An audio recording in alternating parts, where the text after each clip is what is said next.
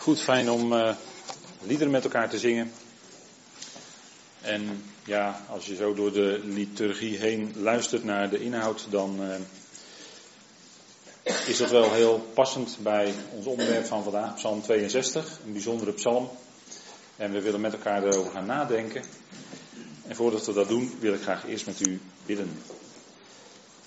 Vader, dank u wel dat we hier bij elkaar zijn en dat weer doen om iets uit uw woord te vernemen. Wat ons opbouwt, wat ons bemoedigt. Vader, geeft u dat vanmorgen, Heer, dat het voor ons hart opbouwend kan zijn, bemoedigend, opbeurend, vertroostend. Vader, dank u wel voor voorbeelden uit uw woord van geloof. Vader, waar wij naar mogen kijken en daar lering uit te trekken. We danken u, Vader, dat u ons zo ook deze ochtend die woorden wil geven. Dat we die kunnen overwegen in ons hart. En Vader, geeft u dat we ook dat woord zo mogen overdragen. Dat het is tot lof en eer van uw naam. Vader, dank u wel dat u ons zo nabij wil zijn op dit moment. We danken u voor dit uur in de machtige naam van uw geliefde zoon. Amen.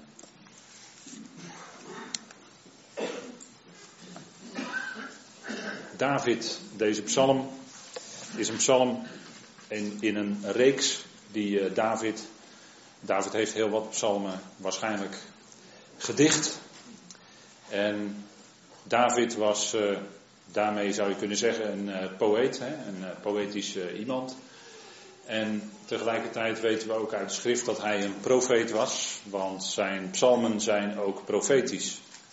En psalm 62 ligt misschien wat minder aan de oppervlakte dat een psalm profetisch is, maar dat is wel degelijk ook bij deze psalm het geval. En je zou daarboven kunnen zetten, want dat zijn woorden die toch in deze psalm klinken. In God is mijn redding. En dat is uh, uit de praktijk, uit het hart van David gegrepen, in de omstandigheden waar hij in zat. En dat is wat wij natuurlijk als uh, gelovigen mogen beseffen. In God is mijn redding. Een bijzondere psalm toch van David. Op de opschrift voor de koorleider over Jeduthun ga ik niet in, want dat is eigenlijk het onderschrift onder die psalm erboven. En ik zal u eh, een heleboel technische dingen daarvan besparen, want dat is eh, voor vandaag eh, niet zo aan de orde. Maar daarboven staat wel voor, of misschien zou je mogen vertalen, van David. Het is in ieder geval een psalm die toegeschreven wordt op een of andere manier aan David. We kennen vijf boeken van de psalmen. En dit is dan het tweede psalmboek, zou je kunnen zeggen, waarin uh, deze psalm staat. En dat is het zogenaamde Exodus gedeelte. er is een correspondentie, er is een overeenkomst met de eerste vijf boeken van de schrift, met de Torah. En dit tweede gedeelte, psalm 42 tot en met 72, komt overeen met het boek Exodus. En dan gaat het dus om het volk. Nou, het volk wordt ook genoemd in deze psalm. David was koning van het volk, Israël. En hij um, was in, ondanks dat hij koning was, kwam hij toch soms in hele benarde situaties. Maar hij kende God en in God was zijn redding. En daarover gaat deze psalm. En deze psalm 62, daarin zie je eigenlijk een afwisseling. Je ziet steeds het vertrouwen op God en dan mensen. Dus steeds die afwisseling God en mensen. Hij was een koning, hij bewoog zich tussen allerlei mensen, kwam in allerlei situaties terecht. En daardoorheen zie je eigenlijk die rode draad van het vertrouwen in God. En dat is wat David in deze psalm uitzingt, uitspreekt. En ook al is daar sprake van, daar komen we nog op natuurlijk, vijandschap van mensen. Al is daar sprake van valsheid van mensen. Niettemin, David vertrouwde op God. En dat is een geweldig, en dat is een geweldig getuigenis wat uit deze psalm klinkt. En dat is ook het getuigenis wat wij kennen in ons leven. De achtergrond van deze psalm is misschien wat moeilijk, omdat ik heb net gezegd dat opschrift, in sommige psalmen staat er een opschrift boven ter gelegenheid waarvan of vanuit welke situatie de psalm geschreven was.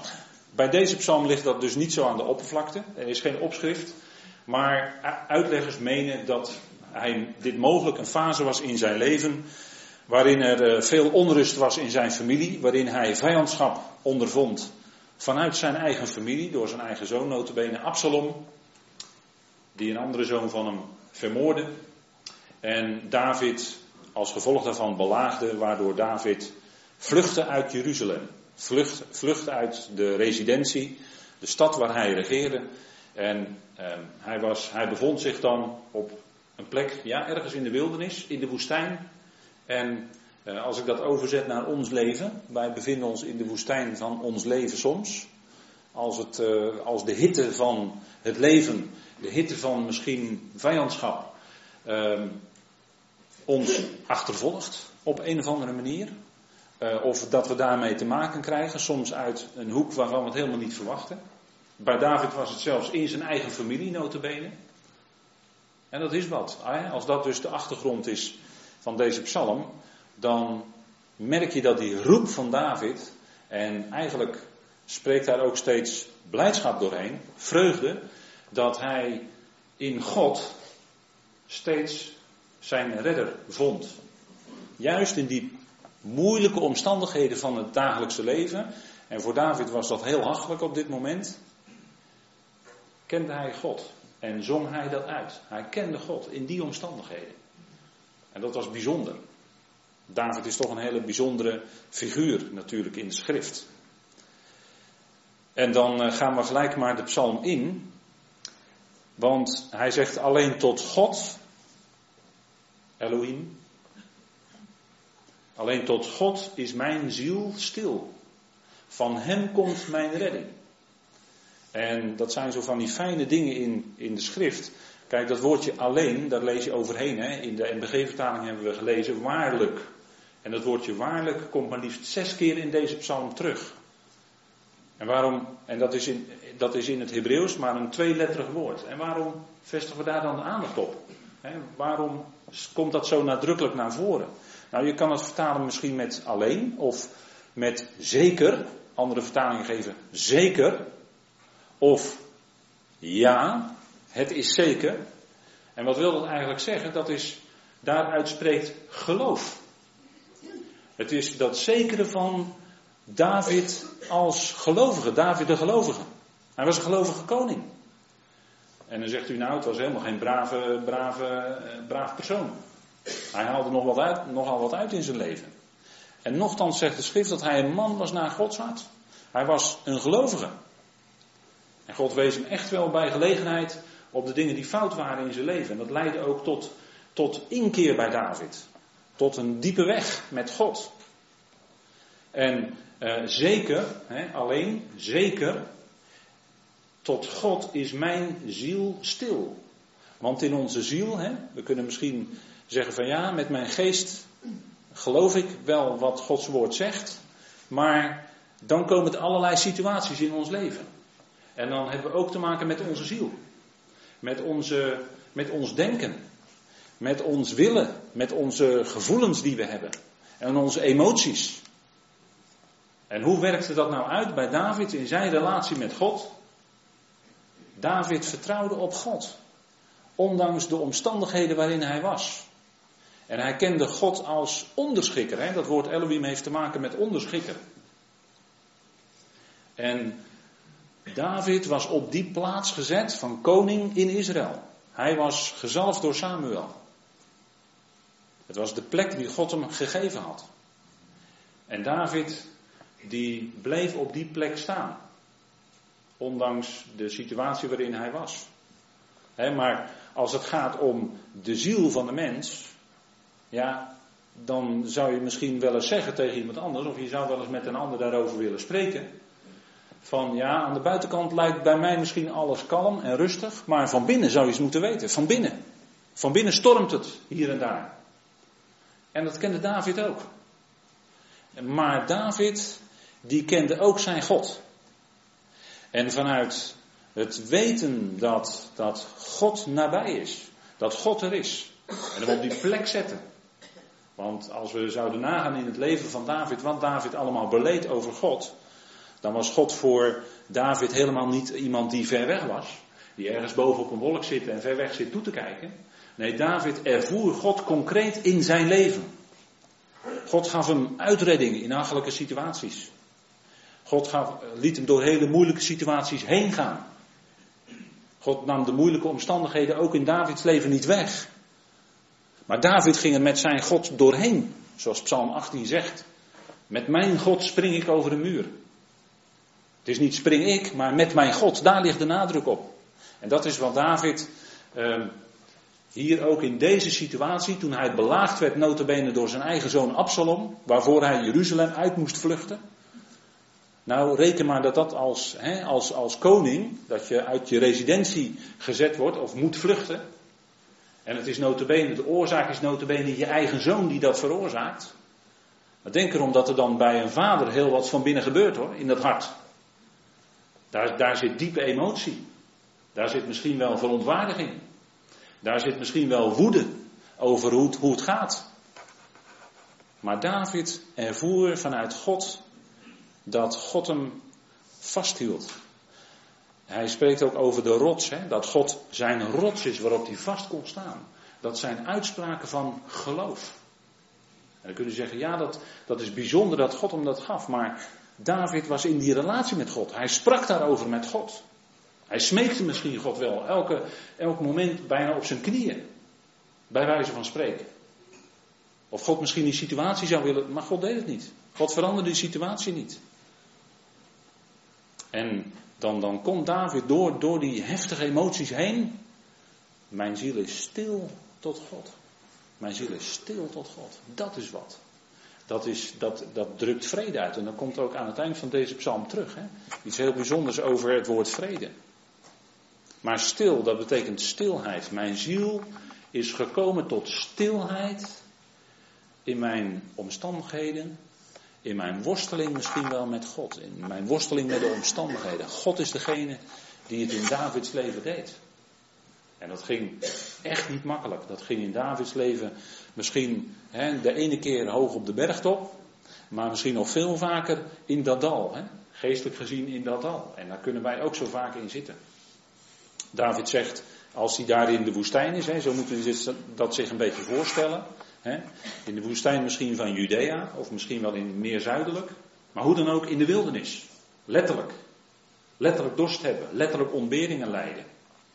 En dan beleeft David in die situatie, van hem komt mijn redding. Daar zit, daar zit vreugde in. Van hem komt mijn redding, van God. Van degene die mij schikt op die plaats waar ik nu ben. En daarin zit voor ons heel veel.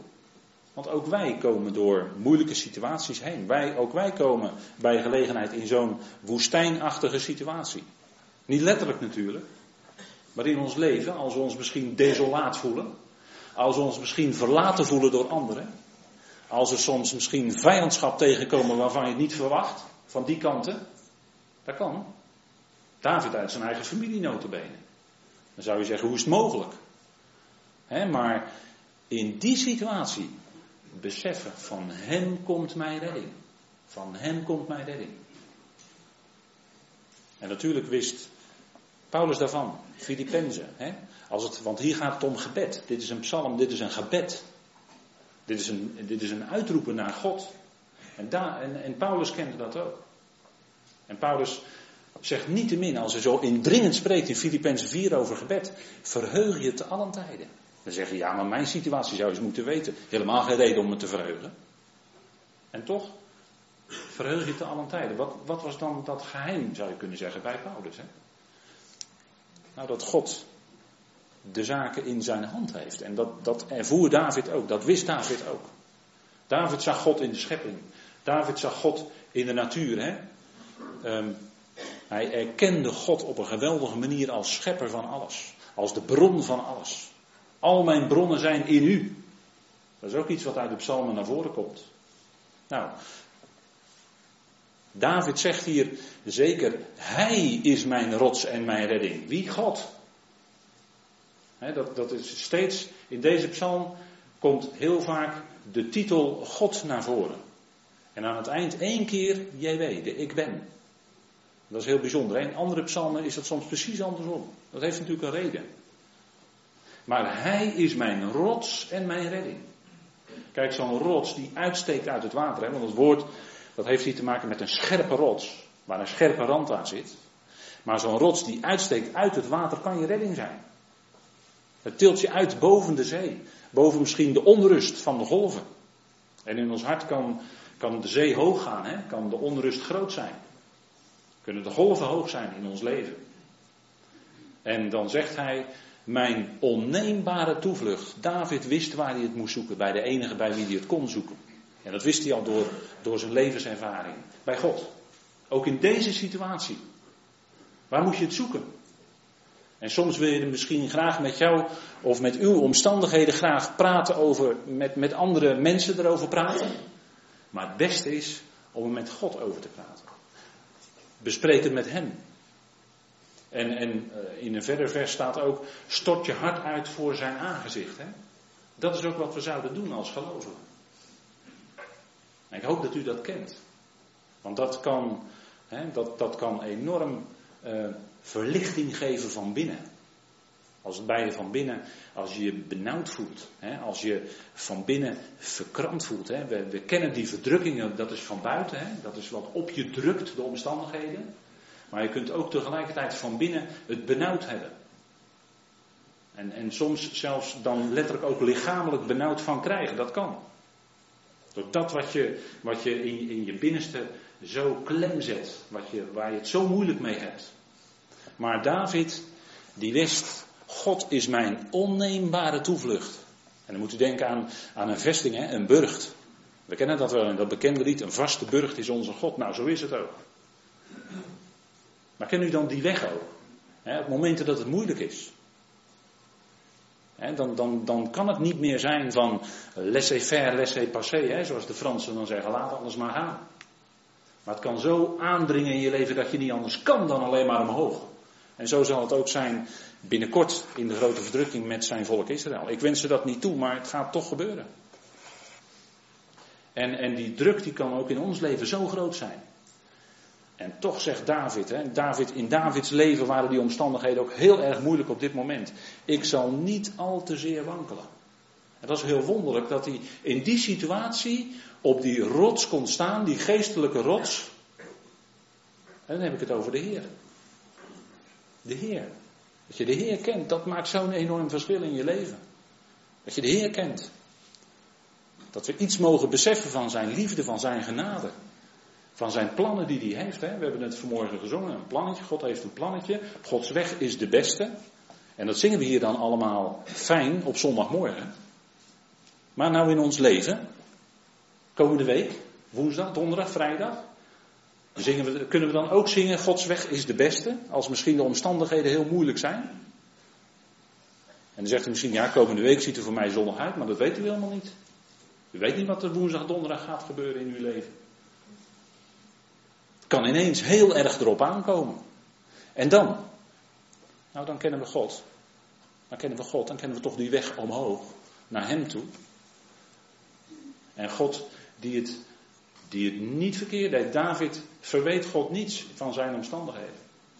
Ik weet niet of u dat is opgevallen in deze psalm. En je kunt ook andere psalmen erop naslaan. Maar David verweet God niets over zijn omstandigheden. David verweet God niet van, ja, waarom ben ik nu in deze situatie? Waarom ben ik nu in deze omstandigheid? Vijanden belagen mijn leven. Ik sta onder grote druk. Ik moest zelfs Jeruzalem uitvluchten, als koning notabene. Dat is wat. Als je als koning uit je hoofdstad wordt gezet. Moet eens even nagaan wat het allemaal betekent hè, in zo'n leven van David. Nou, ik zal niet al te zeer wankelen. Vaststaan, dat is geloof. De rechtvaardige, dat is in de schrift. Hè? En u en ik zijn dat ook, toch? Zo mogen we ons rekenen. Dat is genade. Maar de rechtvaardige zal uit geloof leven. Dat is niet die eerste keer die rechtvaardiging ontvangen. Nee, dat is leven uit geloof. De rechtvaardige doet dat.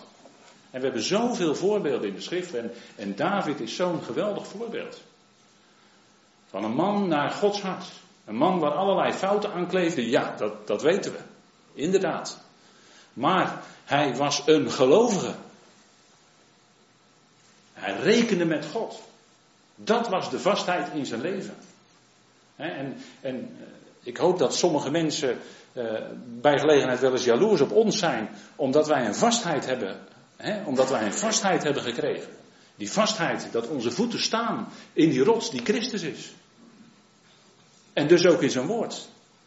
Natuurlijk. Maar God is een onneembare toevlucht. u ziet daar een foto van Mont Saint-Michel. Zoiets, hè, kunnen u zich daarbij voorstellen. Dat je daar veilig bent. Op een verhoogde plek. Terwijl het water om je heen is. En het kan stormen. Maar is het dan niet zo dat in die storm in ons leven de Heer zegt, net als hij letterlijk die storm stilde bij zijn discipelen, zwijg, wees stil. En dat er dan ineens die wonderlijke rust en vrede in je komt, in je hart. Ondanks misschien hele moeilijke omstandigheden, dat een ander mens misschien zou zeggen van nou, ik snap niet dat jij zo rustig kan blijven. Ik zou gek worden nu, in, in zo'n situatie. Ja, maar dat is ook een hele wonderlijke rust, die alleen maar door geloof in ons hart kan zijn. En dat is wat David beleed. Hè? En hier in vers 4 komen de vijanden. Hè? Hij werd belaagd. Hoe lang zullen jullie vijandig zijn tegen een man? David werd belaagd. Ze beraadslaagden tegen hem. Jullie allen dat jullie hem mogen vermoorden alsof hij een hellende wand, een instortende muur is. Dat was Absalom met zijn, met zijn konuiten tegen David. Of of uh, het volk later. Want David is natuurlijk een type van onze Heer Jezus Christus, uiteraard. Ongelooflijk type van. De Heer die later, notabene door zijn eigen familie, door de zijnen. Hij kwam tot het zijne, maar de zijnen hebben hem niet aangenomen. Integendeel, ze hebben hem gekruisigd. Dat hebben ze met de Heer gedaan. En dat was natuurlijk tot redding van de wereld. Zo wonderlijk werkt God dat dan weer uit. Hè? God gebruikte die vijandschap van zijn volk om te komen tot redding van de wereld. Dat is ongelooflijk. Dat is ongelooflijk. Als je, als je daar iets van gaat zien, hoe God werkt. Hè? Heel wonderlijk dat hij ook zelfs die vijandschap gebruikt in zijn plan. Dat hij zelfs dat kwaad van vijandschap gebruikt in zijn plan. Om daaruit het goede tevoorschijn te brengen. En als je dat gaat zien. Als je dat gaat zien. En, en ik bid dat God u dat geeft, dat u dat ziet of gaat zien. Want dan heb je een enorme sleutel voor dankzegging. Kijk, we zijn vaak geneigd te bidden voor situaties. En dan willen wij graag dat die situatie anders wordt. Dan gaan we heel, heel veel bidden, misschien wel jarenlang, of God een situatie wil veranderen. Maar waar ben je dan eigenlijk mee bezig? Dan ben je, je eigenlijk bezig God naar jouw hand te willen zetten. Want jij vindt dat God dat of dat moet doen. Misschien wel in het leven van degene die jou lief zijn, natuurlijk. Dat is je wens, dat ieder het goed gaat. In je hele familie, in je gezin. Dat is je wens. Maar het kan best zijn dat het heel anders gaat. En dan? Dankzegging, dat is een, dat is, dat is een sleutel voor je gebed. Want wij kunnen God eigenlijk op voorhand al danken voor de uitkomst die Hij gaat geven. En dat is niet, dit is niet koel, koud of kil van een grote afstand. Dit is God die in zijn warmte en in zijn liefde in ons leven werkt. En onze emoties kent. En misschien wel het grommen, het, het zuchten, het kreunen van ons hart kent. Hij kent en hij zucht mee, hij leidt mee. God is niet de God ver weg. Kom nou. God is dichtbij. En we kunnen met onze benen, met onze voeten vast op die rotsteen staan die hij is. Dat is redding in je leven. Dat is redding in omstandigheden waarin een ander misschien stapelhek zou worden. En dat wij als gelovigen Hem kunnen danken voor de uitkomst die Hij gaat geven, dat is zo'n enorme sleutel voor je gebed. God maakt geen fouten. En als je op jezelf ziet, dan zou je denken, nou, ik wou dat ik het maar eens beter deed. Of ik wou dat mijn inspanningen wat meer resultaat hadden. Of um, je, je kent dat soort sombere overwegingen wel. Hè? Als je naar jezelf kijkt, ja, dan is er misschien niet veel om vrolijk van te worden. Maar wat doet Paulus? En wat doet David? Die pakt onze kin en die richt onze blik omhoog. Niet op onszelf, niet op de omstandigheden. Maar in die omstandigheden waarin wij zijn, het verwachten van God, zoals David. Vurige pijlen kunnen er zijn. Nu praat ik even uit de brieven van Paulus. Hè? Even een uitstapje. Vurige pijlen kunnen er zijn. Van tegenstand, van tegenstanders. Van kanten waar je het niet van verwacht. Dat kan. En dat doet wat met je hoor. Dat doet wat met je. Daar leef je niet onverschillig aan voorbij als mens. Maar dat pakt je aan in je innerlijk. Dat doet echt wat met je. En dan? Nou, geloof. Vader danken dat vader het niet verkeerd doet in die omstandigheden. Toch niet. En dat hij het zal uitwerken uiteindelijk toch. En zal meewerken in zijn plan. Dat is niet onverschillig. Maar dat gaat dwars door de diepe emoties van een mens heen. David wist waar hij over sprak. En wij als mensen weten toch, als ik dat zo zeg, waar, waar ik het over heb. Nou, dat, dat David, vijandschap. Zeker, zij beraadslaagden om hem van zijn hoogte af te stoten. Hè? Vers 5. Zij keuren leugen goed. Met hun mond zegenen zij. En in hun binnenste verwensen zij. Hè, dat ken je misschien ook wel van mensen. Hè? Die, die met hun mond misschien heel mooi kunnen spreken. Maar ondertussen. Van binnen is het precies andersom. En de Heer Jezus die keek daar dwars doorheen. Hè? Toen hij die fariseeën en schriftgeleerden ontmoette. Toen zei de jullie, die zei tegen hen, die nam geen blad voor de mond hoor. Dat waren niet altijd warme zoete woorden die de Heer zei. Dat was niet altijd zo. De Heer zei tegen de fariseeën en schriftgeleerden, jullie zijn witgepleisterde graven. Dat zei hij tegen ze. Dat, dat waren geen zoete woorden, maar dat was dwars door die situatie heen kijken. In het hart. De Heer keek in het hart. En, en dan ben ik ook bij David hoor, want Samuel, in Samuel staat dat de mens ziet aan wat voor ogen is, maar de Heer ziet het hart aan. De Heer kijkt dwars door onze mooie buitenkant heen. En toch heeft hij ons lief. Dat vind ik altijd heel wonderlijk. Toch houdt hij van ons, niet te min. Hè? Zij beraadslaagden, zo deden ze dat later ook tegen de Heer zelf. Zij keurden de leugen goed. En uiteindelijk sloegen ze hem aan het kruis.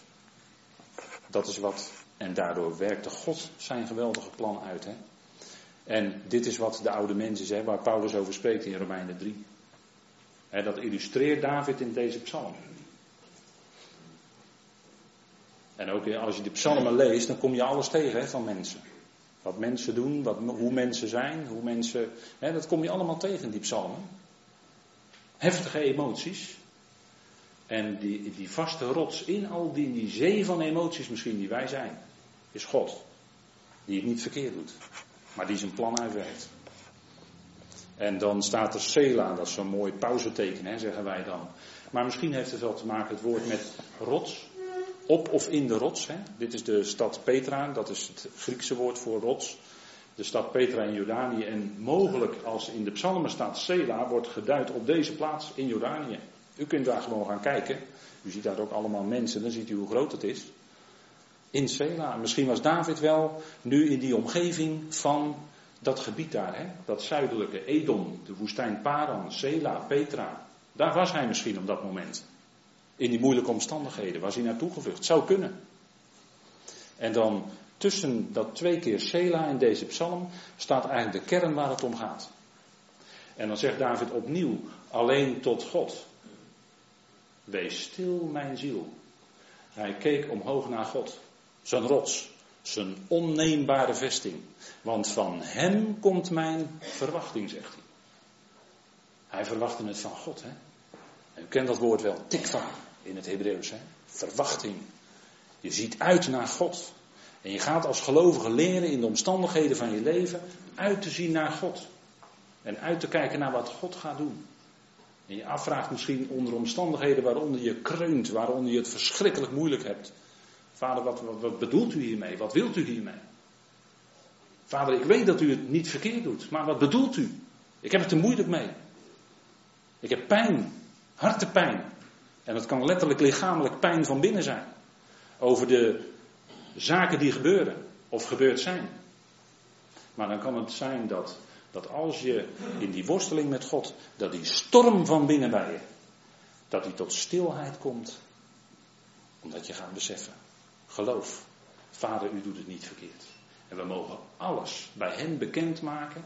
We mogen alles met Hem bespreken. En, en wat is dan het geweldige? Dan zal die vrede van God. Oh, dat wens ik u zo toe. Die vrede van God. Die al ons verstand te boven gaat. Ja, dat is een wonderlijke vrede. Die kan de wereld nooit geven. Op geen enkele manier. Wat je ook zoekt in de wereld, wat dan ook. Maar die vrede kan je nooit in de wereld te koop. Is niet te koop. Maar die is zo kostbaar, die vrede van God. In die omstandigheden waarin je bent. Dat vader het niet verkeerd doet, maar dat hij het uitwerkt, dat hij doet meewerken ten goede. Oh, dat is zo'n zo'n kostbare waarheid dat wij daar iets van mogen weten, iets van mogen beseffen. die vrede van God in ons leven. Dat. Dat, uh, dat zet die spanning van binnen om in ontspanning, in rust. Niet omdat je situatie verandert, die blijft precies eender. Maar jij, u en ik veranderen dan van binnen. En daar gaat het om. En, en dan wordt het stil van binnen. Dan is er die vrede van God, die stilheid, die rust, die onbetaalbaar is. Hè? En, en je zorgen maken, want daar heeft Paulus het over, je zorgen maken. Hè? Eh, iemand heeft wel eens gezegd, er komen meer mensen om door eh, het zich zorgen maken dan door oorlog. Moet je maar eens over nadenken. Maar dan gaat die zorgen, dat wat jou steeds maar beklemde, dat komt in de ontspanning, want je hebt het kunnen overgeven aan God. Dat is het geheim. Niet wankelen en dan is er niet meer wankelen. Niet meer, uh, ja, wij wandelen dan in geloof. Niet in wat we zien, maar we wandelen in geloof. Hij is mijn rots, mijn redding, zegt David. Mijn onneembare toevlucht. En ik zal niet wankelen. Je staat vast op die rots. Niet omdat jij nou zo sterk bent, maar omdat die rots onder je zo sterk is. En dat je gaat beseffen, niet ik kan het, maar hij. Niet ik ben geweldig in de strijd, maar hij is geweldig in de strijd. Wie? Christus. Jezus is geweldig in de strijd. Hij heeft overwonnen. Dat is het, hè? Nou, op God rust mijn redding, mijn heerlijkheid, de rots van mijn sterkte. Mijn toevlucht is in God. Dat is toch ook onze toevlucht? Betere toevlucht is er niet dan God zelf. En Hij is mijn rots waarop ik sta. Hij is mijn heerlijkheid. En die heerlijkheid die gaat ook komen. Dat overstijgt alles, hè. Hij zet vrucht in ons leven. Hier ziet u olijven, dat is de vrucht van de olijfboom. Hij zet vrucht in ons leven. Het is verbazend als je soms bij jezelf iets ziet van die vrucht. En dan dank je de Heer dat hij door zijn geest dat in jou uitwerkt. En zo kon David ook vluchten letterlijk in die rots, in zo'n spelonk. Bijvoorbeeld Adullam bij gelegenheid, maar dan vluchtte die in de rots. Dat is natuurlijk een geweldig beeld van dat wij onze toevlucht nemen in God. Dat we ons bewust zijn te zijn in Christus Jezus. Geweldig. En vertrouw op Hem in alle tijden, volk, zegt David. Hè? Wat een koning. Wat een koning, als je dat tegen je volk zegt. Hè? Vertrouw op Hem, op God, op Elohim. In alle tijden, volk. Giet jullie harten uit voor zijn aangezicht. God is ons een toevlucht. Dat is het beste wat je kan doen. Met gebed en smeking alles bekendmaken bij God, zegt Paulus dan. Maar dat is precies hetzelfde. Alleen bij Paulus is die notitie van dankzegging. Dat en David niet. Dat is wel een verschil. Maar David kende God. En hij wist dat God het zou uitwerken. In zijn leven. En dat God hem niet zou laten staan, want God laat nooit een bidder staan. Maar giet jullie harten uit voor zijn aangezicht. En als het kanaal nou verstopt zit. Als je door de omstandigheden misschien een brok in je keel hebt. Dat je de woorden niet kan uitspreken, dat had Hanna ook. Weet u wel? Hanna en Penina, die situatie. Die sprak geen letterlijke woorden uit, maar de lippen bewogen wel. Ze kon het, door de nood kon ze het misschien niet. Ze werd belaagd door de anderen. Ze werd belaagd door die anderen, maar door de nood konden de woorden niet over de mond komen. Maar wat denkt u wat God gehoord heeft? Die heeft dat hart gehoord. Die heeft die woorden wel gehoord. Ook al sprak ze misschien niet letterlijk uit. Maar hij hoort ons zuchten, hij hoort ons, hè, hij hoort ons kreunen. En die geest van hem die zucht met ons mee, in ons. Nou, dat is geweldig, hè, wat David. Nou, hij was in Sela, hè, dat sluit een stukje weer mee af. De woestijn Paran, moet u maar eens opzoeken. En dan wegen, hè, wegen. Wat is nou alles wat die mensen doen. Hè? Wat is nou wat die mensen allemaal voortbrengen aan, aan. Mensen kunnen soms zich beroemen op hele knappe prestaties, op hele grote vondsten, hè, noem maar op. En, en David die weegt dat, al wat mensen doen. En legt eigenlijk geen gewicht in de schaal. En daarmee zeg ik ook, het brengt geen heerlijkheid. Het legt geen gewicht in de schaal. Wat wel gewicht in de schaal legt, is die woorden van God. Is het besef te leven met God. En met God door die situatie heen te gaan. Hè? Met mijn God spring ik over de muur. En dan is het God die je draagt en die je over die muur heen doet springen. Dat was het leven van David. En ons leven, nou dat gaat door net zo, zulke dingen heen. En dan wijst David zelfs op, want David was een koning en kon daarom beschikken over belastinginkomsten. Die konden, diverse koningen die verhoogden die belasting ook flink bij gelegenheid. Waardoor ze meer inkomsten hadden. Salomo had heel veel goud. En dan zegt David hier, vertrouw niet op onderdrukking. Stel geen ijdele hoop op roof. Want hij kon als koning in zijn positie, kon hij dat volk onderdrukken als hij zou willen. En hij kon zelfs roof plegen door hele zware belasting op te leggen. Dat kon hij allemaal doen. Maar wat zegt David was een wijs man. Want de vrees van JW, waar, waar de liturg het heel even over had vanmorgen. De vrees van JW is het begin van de wijsheid.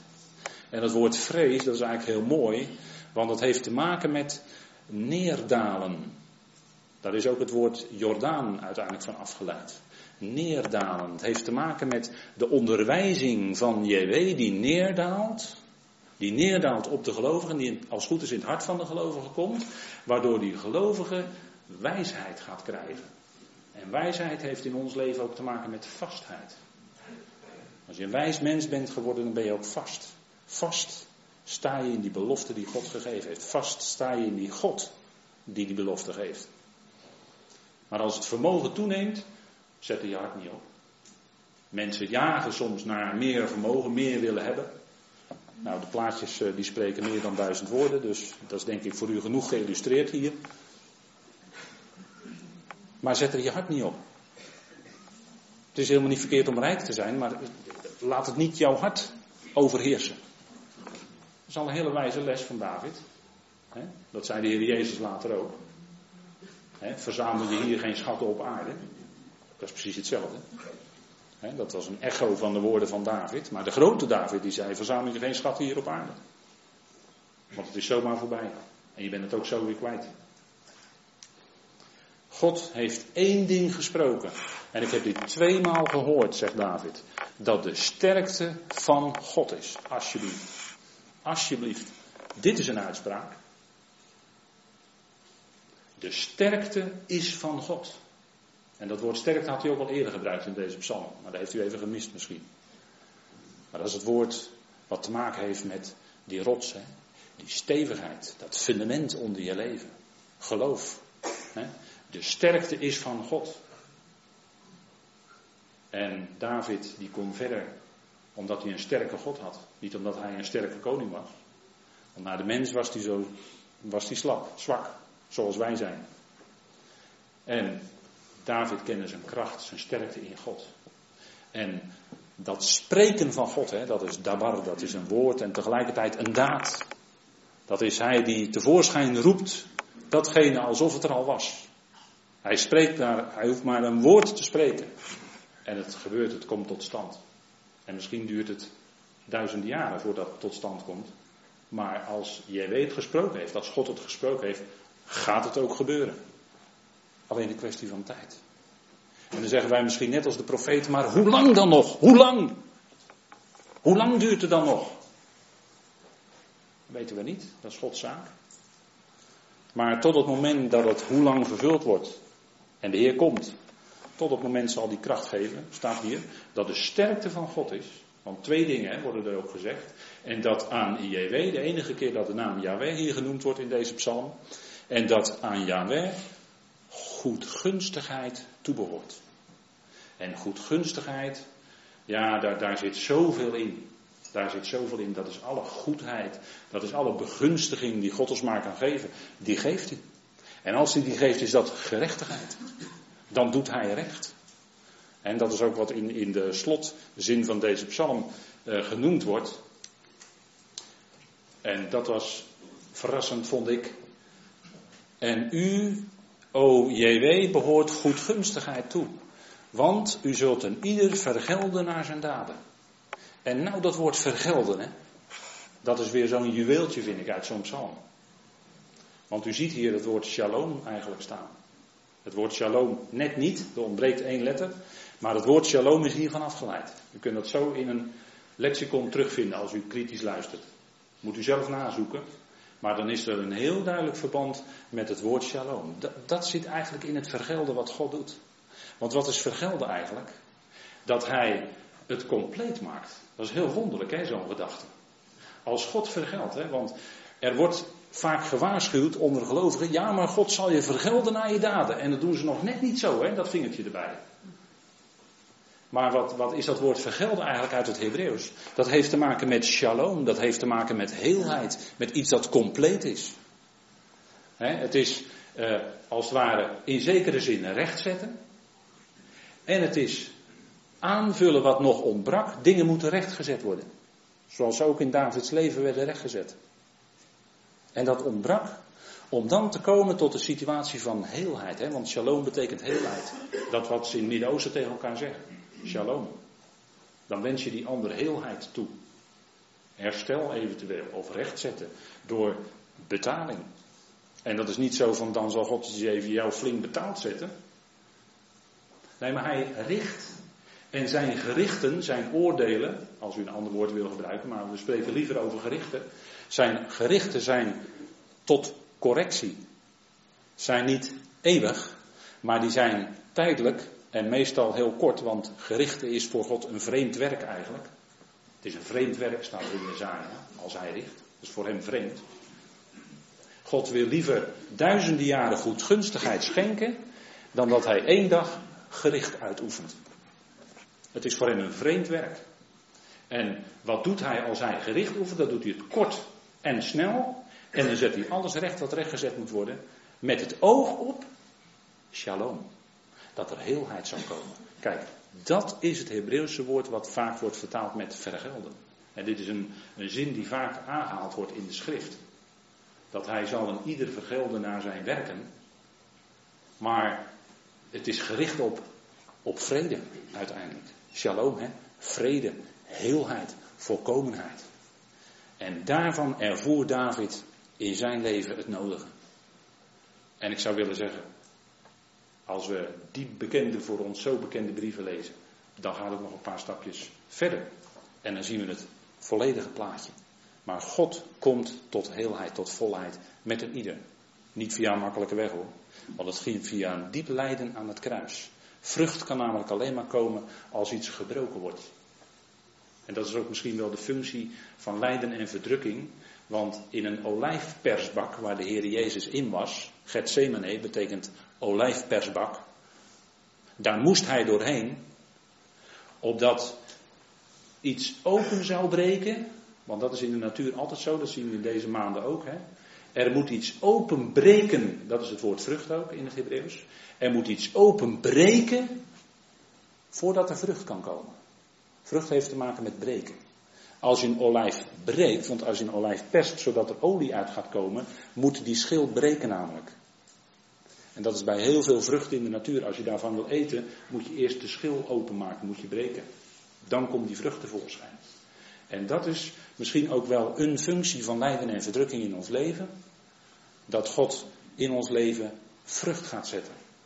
En hij ons in zekere zin wil openbreken.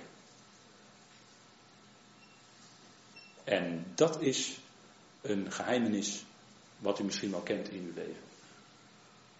Die, en, en als God je openbreekt, dan zeg je misschien wel heel erg oud. En dat kan soms jaren duren.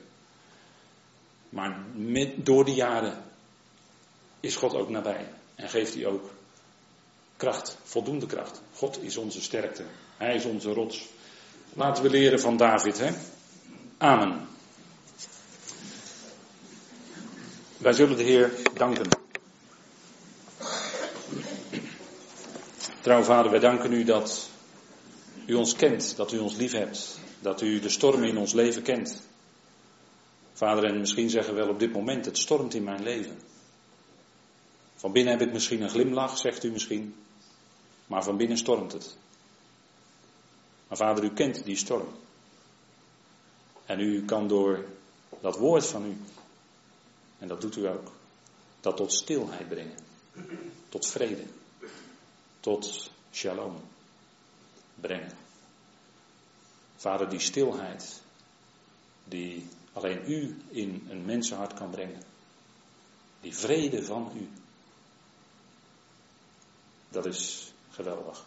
Als je dat in je leven, in pijn, in lijden, in verdriet, kan ervaren. Dat je dwars door je traan heen zegt. Dat je niettemin die diepe vrede in je hart hebt. Die Hij alleen kan geven. Dank u wel, Vader, dat u dat zo doet in ons leven. En daar waar het erop aanloopt, dan weten we dat u nabij bent. Die verzekering hebben we, de Heer is nabij. U woont door uw geest in ons hart. En die geest die zucht, die kreunt mee met ons kreunen. Met ons zuchten wat wij doen in lijden en verdrukkingen. Maar dank u wel voor de heerlijkheid die gaat komen, Vader. En dat is vast en zeker. De heerlijkheid gaat komen. De zware vrucht gaat u zetten. In de komende tijden. Dan zullen we zien wat de grote vrucht is van het werk van onze geliefde Heer, Jezus Christus. Die ons zo lief heeft en die we lief hebben. Vader, dank u wel dat u van ons houdt.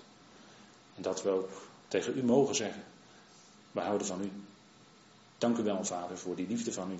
Dat u zo door uw woord spreekt. Door de psalmen heen, Vader. Geweldige liederen van David. De moeite waard. Vader, dank u wel. Dat u zo dit wilde geven. En wilt u zelf doorwerken zijn in ons hart en leven. En dat doet u ook, Vader. We mogen staan op u, die de rots bent. In ons leven. We danken u daarvoor. In de machtige naam van uw geliefde zoon. Onze Heer Jezus Christus. Amen. Goed, zullen wij uh, tot ter afsluiting van deze dienst uh, samen staande zingen het lied Majesteit.